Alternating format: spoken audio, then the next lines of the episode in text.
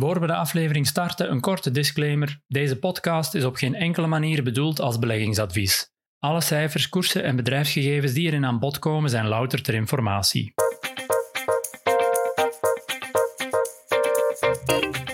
Welkom bij Mastermind, een podcast van Inside Beleggen en Trends. Ik ben Jeff Poortmans.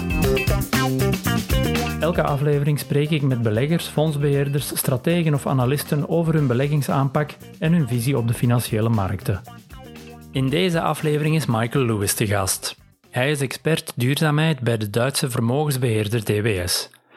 Michael werkt al jaren rond een bepaald thema, namelijk water. Wat water voor de economie betekent, hoe de wereldwijde waterhuishouding ervoor staat en welke risico's daaraan verbonden zijn.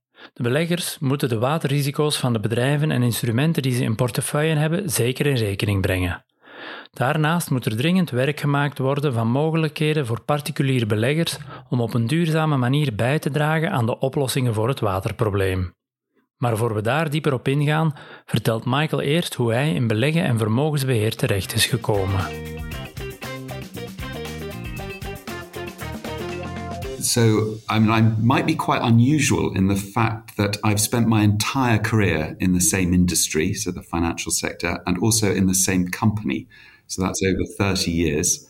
And I've always worked in a research role, first in foreign exchange research, then commodities trading research, and now sustainable finance. So for me, I think I've been part of some of the most pivotal changes in capital markets from the creation of the single currency to the commodity supercycle and now the march towards net zero that lies ahead of us. So, was that on purpose or was it more um, directed in some ways by yourself?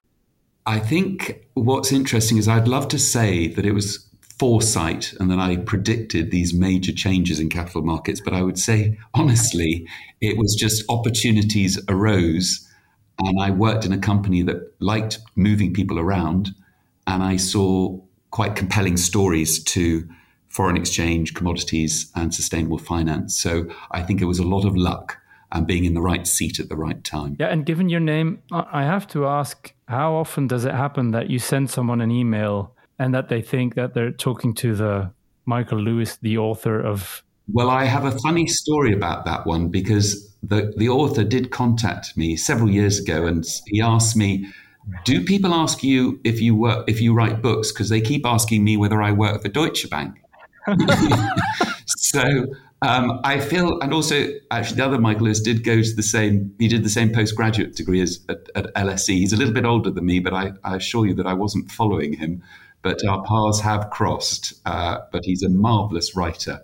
Because as you said, I mean that's that's your main uh, research focus uh, of late. Um, yeah, what are the reasons? Why did you take up this sustainable and responsible investing angle? What were the drivers for that? Well, I suppose when I left school, I worked in South Africa, and and then I raised sort of modest funds for communities across the region, um, particularly running uh, for a charity in the UK.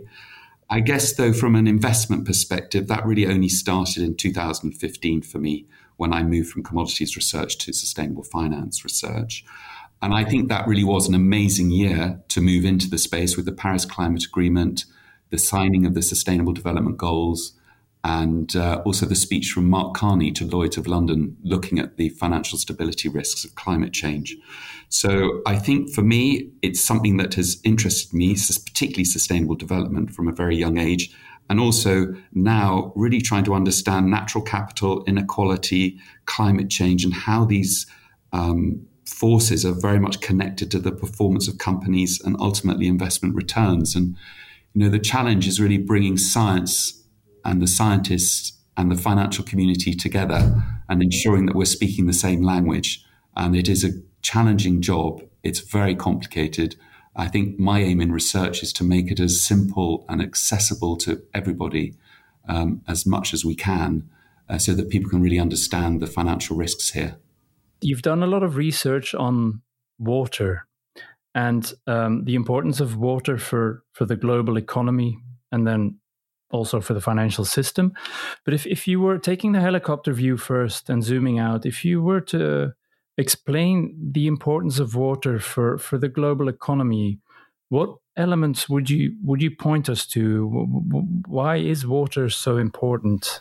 Well, I think there are two points of two areas to focus on. Obviously, there are our oceans, and there's also the bodies of fresh water. So these have enormous um, uh, provide enormous services to us. So just to give you some examples on oceans, 80% of the world's biodiversity is found in our oceans. Uh, the oceans also produce about 50% of our oxygen. 90% of all international trade is transported by the sea, and there are something like 3 billion people are dependent on the ocean economy for, our, for their livelihoods. Um, when it comes to also the things that we wear and eat, I don't think people really understand how much water is actually involved in the production of many things that we sort of take for granted. So the shirt that I'm wearing today, you know, it's about 3,000 liters is required to, to produce that shirt. Uh, and the same amount of water to produce a kilo of cheese. I mean, it's everywhere. It's everywhere you look. Uh, and the problem is we're not really treating water with the respect it deserves.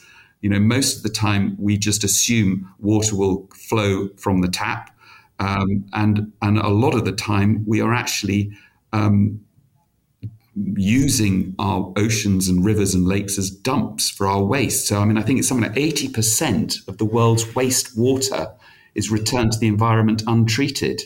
And we've got a third of the rivers in Asia, Africa, and Latin America that just are severely polluted. Um, uh, you know, the list goes on. I mean, I think one of the interesting things from the um, Dasgupta review, the, the, the, the the report on biodiversity is if you look at populations of species, freshwater species populations are down about 84% since 1970. So compared to all species, where the drop is about 68%, you can see we really are attacking our water economy quite aggressively a gloomy picture. But and you just said, yeah, you you've lived in South Africa for some time. Has that raised your conscience more than maybe other people in our um, Absolutely. Well, I mean, I, I think everybody can possibly remember the risks of Cape Town running out of water. Um, you know, the potential that day zero might hit and water restrictions will happen. Uh, and these risks, I think, are just simply going to accelerate. So I think, yes, being in those regions, seeing um, the difficulties in, in, certain communities of actually accessing water, that does certainly raise awareness. And I think this is maybe the major issue with water is that there's not enough awareness of what's going on. And I think looking at the projections, I mean, the water issue is one of you've either got too much of it, too little of it, or it's too polluted. And it depends on where you live as to what is going to be you're going to be faced with. Um, uh, and so those issues, but obviously in South Africa, is very much related to too little. And then, when looking at specific sectors and the importance of waters for them, are there important distinctions to make there for, for Yes, absolutely. I mean, there's really great research. So we work quite a lot with Ceres, which is the Investor Association over in the United States. And they did a lovely paper actually looking at the sort of water intensity. And obviously, this varies according to which sector you're looking at. I think what was quite startling is that if you look at sort of a typical equity benchmark, um, such as S&P 500 or the MSCI World, you know, 50% of the holdings of the constituents in those indices were found to be in industries with medium to high water risk. And these were typically in the oil and gas, chemicals, semiconductor, and not surprisingly, the food and beverage sectors. So unsustainable water use does pose a lot of risk for these companies. And I think what we're also seeing is this idea that companies are also being looked at. There's much more scrutiny as to how companies are extracting water resources. And we've seen a number of cases actually. You know, I think there's been a mining company in Peru, there's been drinks companies in India and France, where the company's license to operate has been questioned because they are at risk of being sued um, because of the overuse of water. So, this liability risk of companies now in these high risk sectors is a bit of an issue um, that um, I think investors need to pay attention to. So, but there's a liability risk, but is there also an operational risk in in in? Yes, I mean the the I mean I think operational risk if if particularly in scarce regions, water scarce regions, I think is going to be a, a you know a major sort of issue for people. I think the the statistics, I think, is something like about half of the world's population is going to be living in areas of water stress, and something like 50% of global GDP will be at risk. Um, and so operationally companies do need to sort of manage that. Uh, I think CDP also did a very good report on this, looking at how companies should be managing this risk. And their sort of assessment was that it's that they do the companies now definitely need to take these sort of issues into account because if they don't, the costs of not doing anything uh, could be substantially more costly for them. You've been digging into this for some time, and as you said, a lot of risks that have emerged over the past few years. If you were to assess the current water ecosystem globally, are you pessimistic or are you more optimistic? Um, I mean, it's a hard question. I can imagine uh, lots of gray areas, and it might not be as black and white as I just posed it to you. But yeah, overall, what, what's your take on it? I'd say it's incredibly challenging. And when one part of the problem is that water use just keeps going up, so it's increased about sixfold over the last 100 years and will continue to keep rising just because there are rising population levels, there's increased food production requirements, and there are just higher levels of urbanization. So that demand just keeps coming year in, year out. The trouble is that when we look at water, we've got multiple different agents operating water services. So we've got the water collection, the treatment, the storage, the distribution of clean water. And then on the other side, we've got the sanitation services. So that's the collection of wastewater, sewage treatment, and, and ultimately the, you know, the discharge into the environment. And the trouble is, so, I, you know, I've, I, am generally optimistic, but uh, it's it's coordinating these various different stakeholders because all of the responsibility for the provision of these services are obviously fragmented across different um, stakeholders. So you've got governments, local authorities, you've got agencies. So there's a lot of sort of um, cogs in the in uh, operating this water economy, and so this is why public policy and governance around water is so important. And you know, in, in you know in the developed world, I think we sort of sit here and we just are shielded from water risks. We just don't think that they are something that we need to worry about. That they're something that's far, far away in emerging markets. And this is this idea of virtual water, which you know we take into account. I was talking about the T-shirt or the shirt I'm wearing. It was probably made in India, um, where there's huge water restrictions and stress, but it's consumed over here in Europe. So I think you know we've we've got to we've got to sort of I think almost we you know we got labeling on on on our food products that tell us you know what's high fat, high salt, and high sugar content you know, I think water needs to be added as well so that we get a much better idea um, of of the risks that are, that are that are there. And and then because yeah, you, of course you work for for a financial firm uh, within the financial sector, we've established that the situation is more or less problematic, but yeah, problems are there to be solved and risks are there to be mitigated. Uh, when specifically looking at the role that the financial sector or industry or business can play in mitigating these risks and in uh, being part of the solution for, for the problematic water uh, situation. Um, yeah, what, what important elements or what important solutions can they um, can they drive at? Well, you, you, we've kind of been mentioning the awareness thing, and I think to get to raise awareness, we do need better data disclosure by companies and reporting as it relates to water. So there's some really great initiatives going on. I was mentioning CDP earlier um, in this area of water disclosure. I think this is a this is typically a challenge, actually not just on water, but quite a number of other sort of sustainability risks. And I think the challenge for an investor is at the moment, regrettably, I think ESG and sustainability risks are something that investors try and avoid they try and screen their portfolio. They try and see where the high risk companies are, and they start to sort of underweight, or they may well engage. Hopefully, they will engage, but they try and sort of reduce that risk. They're not looking at the solution so much, they're trying to minimize the risk that that certain exposure poses for them. So for us, we need to change that mindset. And I think what we need to do is we need to have much more forceful legislation, I think, from governments. You know, there's the EU Water Charter that was actually established in 1968. I think 50 years later, nothing much has really changed. Um, and and I think we've we've got to be much we've got to look at government. I guess the COVID pandemic is probably you know I, you and I probably grew up in in times when free markets was what it was all about. It was Reaganomics and Thatcher and let the market decide. I think the market now is seeing that actually governments, for the problems that we are faced with, we're going to get much stronger legislation. So I think that's required.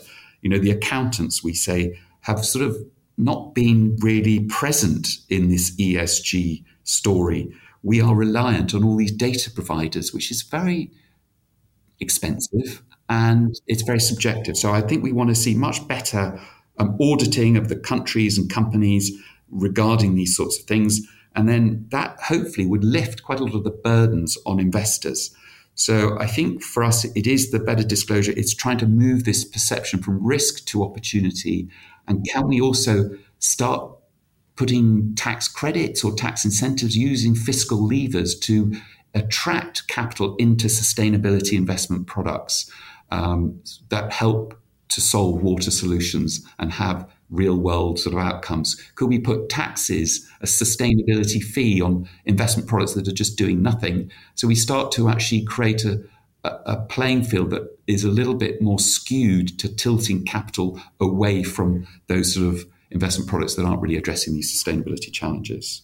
And you see this allocation towards uh, water solution more coming from from the the side of the regulators and the government then than than inherently from within the financial industry itself, or is it an and and? Well, I think we need I think we need everybody. I think that from an investment point of view, there are the characteristics of water investments are that they have very long they're very long asset lives. They're typically low cash returns. These are these are sorts of challenges. But I think where we have sort of public private um, uh, initiatives that we we can sort of blend we can blend sort of investment products maybe that that are bringing both the public and private sector together, that might help. Um, uh, so those, so yeah, I think those are sorts of the, issues that we're sort of thinking about. And I was also wondering within uh, this water um, ecosystem or within the water economy, within the broader economy, you usually have a sort of a distinction between um, companies that operate within the economy as it is right now and are able to if they're good ones are able to generate some good cash flows from from things as they are right now. And then you have the companies who are building the future economy or who are yeah the growth companies mainly. And then it's up to investors to decide um, which of those two types of companies they want to allocate their capital to.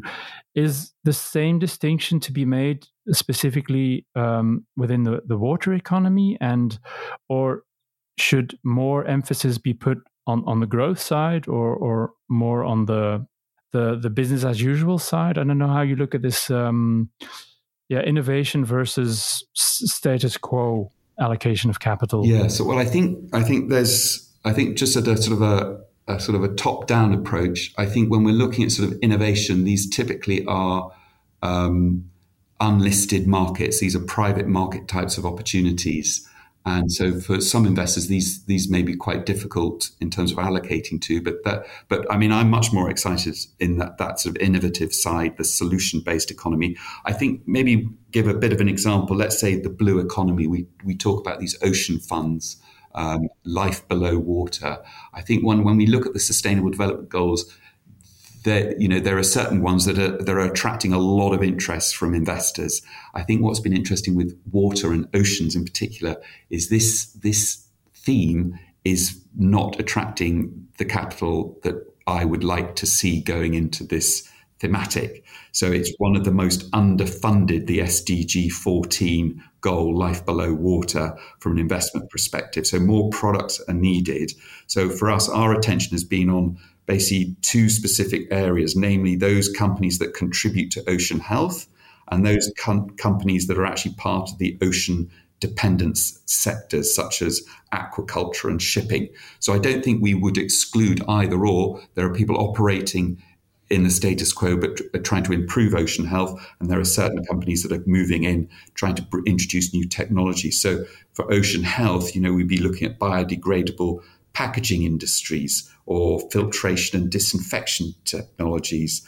You know, consumer goods companies that aim at plastic reduction or companies in the sea tech sector. I think when I look at the sort of blue economy, I look at sort of the fishing industry and I sort of feel that it's still operating in the 19th century. It hasn't come forward like other sectors, that it's still using the same types of nets and rods and all these sorts of things, which really need to be improved. And I don't think people know that you know fishing and particularly bottom trawling, where you're dragging along the ocean bed, this activity produces more um, carbon emissions than the airline industry globally.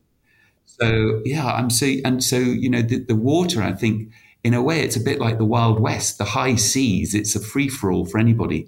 So a lot of this does come down to governments and governance. And so we are seeing. So you know the encouraging thing at the COP last year in Glasgow in the UK was that natural capital did start to appear quite uh, prominently in discussions. Sadly, oceans, I don't think got really much actually attention, but you know, land use change, deforestation, uh, nature, these things are now people are understanding this that we've got to look after these ecosystems because they are actually the land, the forests, and the oceans are absorbing about 40% of our, of our CO2 carbon emissions.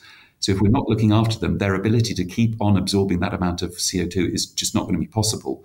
So to get to net zero, we absolutely have to focus on these amazing um, carbon sinks that are working very, they're working overtime really at the moment. Um, so it's really to sort of protect them uh, and give them legal rights uh, ultimately. And, and then on, on solutions on, on preserving them uh, as the most important ones to invest in. Yes, I mean, I mean, I guess from an investor point of view, we, we you know we'll look at what are the best asset classes that can have a positive impact. And so we're moving, as I say, we're moving from that risk management, or we're, we're, supplementing risk management approaches to sort of impact and outcomes. So equities, you know, from you know, when when we talk about water investments, equities has really been where a lot of the money has flowed as the, as the most important asset class. So we can see this in terms of sort of the thematic equity funds, the engagement. You know, within fixed income, you know, we would say we would look at say municipal bonds, um, since you know water infrastructure, um, you know, is part of that sort of that sort of asset classes. Um, but obviously, there's private equity, uh, real estate, infrastructure. These are infrastructure in particular. These are very important in, in addressing water risk. Yeah, because more specifically, when you look at listed equities, you have the S and P Global Water Index, um, which, if investors would want to allocate part of their portfolio to the water as a theme, I presume is the first thing that they would look at. But when when looking at the constitution of that index, it's a bit of a mixed bag of utilities, um, a bit of industrial, not that many innovation, if I got it correctly. So according to you, and just to be specific, this is not investment advice, but when retail investors look at this global water index, how should they be assessing this? Well, from what I understand, I think this index is really simply selecting those companies which are involved in the water business. So there are no ESG or sustainability screens there. There are no water solution providers included, as you mentioned, and the weights are just simply market cap weights. So at first glance, I would not really see this as a, as a as a tool. I, I, yeah, I, am not uh, really in the business of uh, specifically mentioning specific indices, but you know, this to me, I think, you know, it's providing a, sort of a benchmark of, of, of water. But in terms of solutions, we wouldn't we we would be wanting to sort of do a bit more additional work to sort of get something that would capture that that objective. Yeah. So then investors who want to use their capital to be part of the solution should be much more aware of all the different ESG criteria and then also uh, have a, a, bigger focus on the innovation angle when they're looking at companies that they want to invest in uh, that that deal with the water issue then? Yes absolutely. So uh, you know I, I, would i'd be looking more at sort of funds that have have you know, when we look at sort of impact funds, I think it is the um, it's it's equity engagement, it's it's these impact um, private equity funds. I think that rather than sort of just a standard water index, if people are, are wanting to gain exposure to to actually have outcomes, uh, you know, I'd be looking at um, slightly different products than than that. Aside from that, uh, taking the point of the retail investor, are there any other things that you think they can do in order to improve the situation? Well, I think I think the retail investor has has a challenge because you know even within you know it is a, it is a very complicated space, and I think terminology and classifications and all these taxonomies that, that are being developed are very useful um, because they do try and enable people to to understand what products are what they're doing and what they're not doing. And I think this is a, you know, I think if you ask many people on the street about this is an ESG product, they would, I guess, think that they would be having a real world um, impact. If they're buying this index, they, I think they would feel that they are in some way helping to reduce CO2 emissions or improve water quality. I think most of the time that is not happening. What's happening is that you're doing this risk management approach and you are just minimizing the risks of sustainability from a portfolio. So you, you are just more resilient to the shocks that are coming, but the shocks keep on coming and they probably get worse. You're not actually reducing those shocks when they when they when they hit you.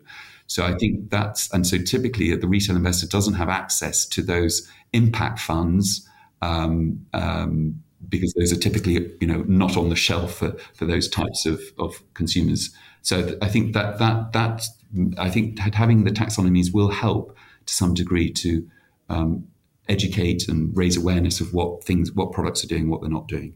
But then again, I mean, a possible risk that we've seen with with other ESG, with the global or general ESG push and and all the different metrics and taxonomies that have been devised around it is you do have an increasing risk of greenwashing. Um, how do you see that involving specifically related to the to the blue economy? Could could we or should we be uh, more aware of a possible risk of blue washing then, or how should we navigate that? I think, you know, typically in Europe, we do let the market decide. And when it came to ESG and sustainable finance, we allowed, you know, countries across Europe to come up with their own sort of definitions and terminologies and and, um, and it, we didn't direct it from above. And I think this did allow for different jurisdictions and different geographies to come up with different ways of communicating what ESG and sustainability meant to them and to the products. And naturally, this created a, an, I guess, an alphabet soup of different things that were being diff- that were being put onto the market. And I think uh, what we did see is that you know, governments, the European Commission decided that this was just not great for the integrity and trust of this market, uh, a market that the European Commission is very keen to build and promote. And so this is why, in a way, we've gone away from this sort of democratization of ESG and allowed a bit of a free for all for whatever people wanted to do to actually saying, no, we cannot let that happen. We do need to have proper definitions and standards and codes um, taxonomies to enable people to have trust in what is being put onto the market. So, it, you know, this this was a challenge for every single investor, asset manager, asset owner in terms of, you know, we want to set very high bars here, but we do need these taxonomies. The danger, though, is that when you start to define what's good and bad in a way, that's what taxonomies are doing. They're telling you what are sort of not, sort of what are, what are sort of not, which what are brown assets in a way you start to then push assets into a sort of a toxic bucket. And where do they go? Well, it may be that these assets go and get bought by private companies that are not listed on equity markets, and then they have we have no influence on what's going on. Um, so there is a danger here of we, so we've got to be very quite careful as to taxonomies are really trying to boost the trust and integrity, but we might actually have the unintended consequence that we start to actually push assets to to areas of the financial system which investors cannot engage with, and you know they still operate. Um, so that's that may well be an, another challenge that we're going to be seeing over the next few years. Maybe to wrap up with with with all the work that you've done uh, on this, looking forward, what are your expectations specifically when it comes to blue finance and the blue economy and where things are going? What what technologies or what possible solutions are you expecting or or will you be looking out for or and, and, investors should have an eye out for? Well, I, th- I think on the in terms of the risk side, you know, what we've seen is law courts now have been increasingly used in the area of climate action. And we may well see much more liability risk, which we mentioned earlier about companies and the overuse of water resources. So I think that's a particular area that I think could start to um, uh, move um, in, in the area of, of, water. You know, more penalties for polluting companies as well. Uh, and I think hopefully what we'll see is also much greater engagement when it comes to investors and their investee companies. I mean, so far, you know, we've got there's a whole structure of engagement and coalitions when it comes to climate, but water, you know, doesn't really seem to get a look in. And uh, you know, I think one somebody sort of compared climate change to a shark. You know, where climate change is the shark, water is its teeth. And you know, for us, we don't feel that water, you know, has got the same ecosystem around it that climate does. Because actually, if you look at the last sort of since 1990, there have been about a thousand climate-related disasters, and 90% of them are all related to water in terms of the number of humans that have been impacted. So whether it's, as I say, too much or too little. So I think we've we've got to have a much stronger sort of program of investments, engagement, um, and disclosure all around this topic of water, which we've we've built for climate, so we can just replicate and migrate in that structure and put it in where water for water, because I think this is going to be, you know, the, the, the one of the biggest challenges we face is is the water crises um, that we that we'll see over the next decade and beyond. Yeah, let's hope uh, we are able to tackle it. But then, what I'll remember from this conversation mainly is that it's it's it's a lot about risk, governance, regulation, and awareness. Those are the key themes that also from an investor's perspective we should be we should be aware of when it comes to uh, improving our our uh, our water future. That's absolutely right. I think you've hit the nail on the head. Those those pillars are, I think, how we would need to sort of address those in each in turn. It was very insightful. Thank, thanks a lot for um, yeah your time and your insights, and uh, yeah, best of luck with the with the future research on, on, on all these topics. That's very kind. Thank you very much.